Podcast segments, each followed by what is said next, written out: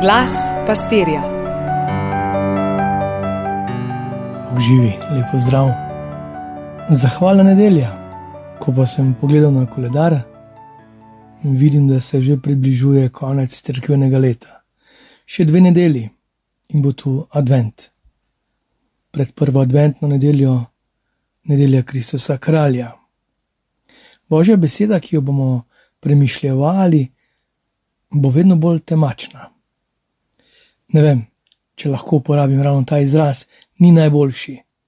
Spominja me na nekaj let, ko sem se izogibal delu Tolkiena, preveč temačen, sem rekel, pa ga dejansko nisem poznal. Njegovega gospodarja prstanov, seveda, nisem vzel v roke, predebela knjiga, podobe splatna pa so bile prav strah zbujajoče. To ni resnica, sem si ponavljal. Po isti sapi slišim množico, ki zavrača svetopismo, preveč vojn, preveč temačnosti. To ni resnica. Tudi Jezus, ki je tako prijazen, malo prevečkrat zaide v te vode, jok in škripanje zumi. Ko je trenutno največji strah, recimo nomofobija, strah pred izgubo telefona, oziroma da nisem dosegljiv ali da se mi je spraznila baterija. Hitro vidimo, da ta tako pomemben strah navadni milni mehurček, ki poči, ko se recimo v sosedsko preseli bolezen, ali ko na svoji koži okusim resnični neuspeh ali krivico, ali ko svet vsaj navidezno zatrepeta v strahu pred vojno. Pa vidim, da so naše strani cenjenih in manj cenjenih oglasnikov resnice še bolj okrvavljene in mnogo bolj prepuščene na milost in nemilost v sodi, še bolj zastaranju. Jutri pride nova resnica, ki pod vprašaj postavi današnjo resnico. Skratka, ti dnevi nas čakajo, tako ali drugače, na koledarju, po načinu praznovanja, pa če tudi na nivoju šege ali navade, ampak slejko prej v resnici. In današnja, prijazno zahvalna nedelja, ko je ambient v naših cerkvah v glavnem poljedelsko sadni, ponekod s predihom modernih atributov, nas prav tako ne pusti, da bi se zasanjali ob vljudni besedi hvala. Tej po bontonu še dodamo, prosim, in hip, hip, hip, nebesa se odpro. Ne, ne bo šlo. Tudi danes v božji besedi teče rdeča nit o večnosti. Kdo še verjame v večnost? Kdo v resnici verjame? Kdo verjame v posmrtno življenje? Kdo verjame v nebesa? Kdo verjame v življenje z Bogom? Ne bom o statistiki, morda samo spomin na nekaj dni nazaj. Bil si na grobu, tvoja misel, tvoji občutki. Zamišljal sem si, da stojim na svojem grobu, nekaj dni po mojem pogrebu. Na grobu je še morda nekaj sveč, morda kakšen cvet, joka ni več, solze so se posušile, če so bile moji najbližji so zaposleni, da nadomestijo praznino, ki je nastala.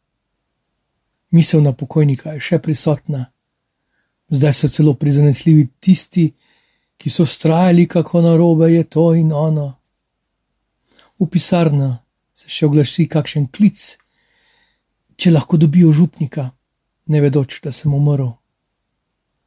Na župnijski spletni strani je članek, pa slike, Na omrežju se še izrekajo sožalja, po dveh tednih, po enem mesecu, takrat bo na trgu že adventni vrvež, kuhano vino, prijetno predbožično vzdušje, na usta bodo spet prišli na smeh in radost.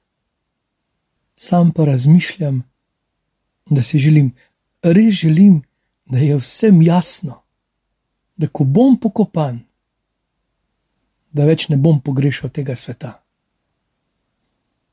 Nisem nevljuden, ampak zaradi dejstva, ker nisem prepuščen nekim pošastim podzemlja. In se tudi prav zares ne poslavljam. Tu sem kot živeč sanjal ljubezen, jo doživljal, jo delil, zdaj pa vstopam v večno ljubezen. V Evangelijo prebiramo danes saduceje, včeraj smo lahko brali farizeje, jutri bomo se srečevali z nami kristjančki, ki se spotikamo nad Jezusom. Za ene je preveč liberalen, za druge je preveč pravoveren, za nas pa morda kar na zadnjaško oboje. Se lahko zavemo, da je življenje v njem resnica. Vse drugo so odtisi, podobe ali prividi.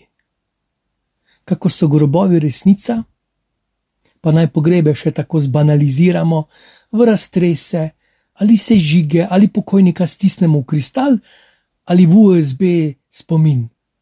Je večnost resnična do zadnjega imena svetnika, nam znanega ali neznanega, do zadnjega obraza ljubezni, ki je imelo srce in ime in življenjsko zgodbo.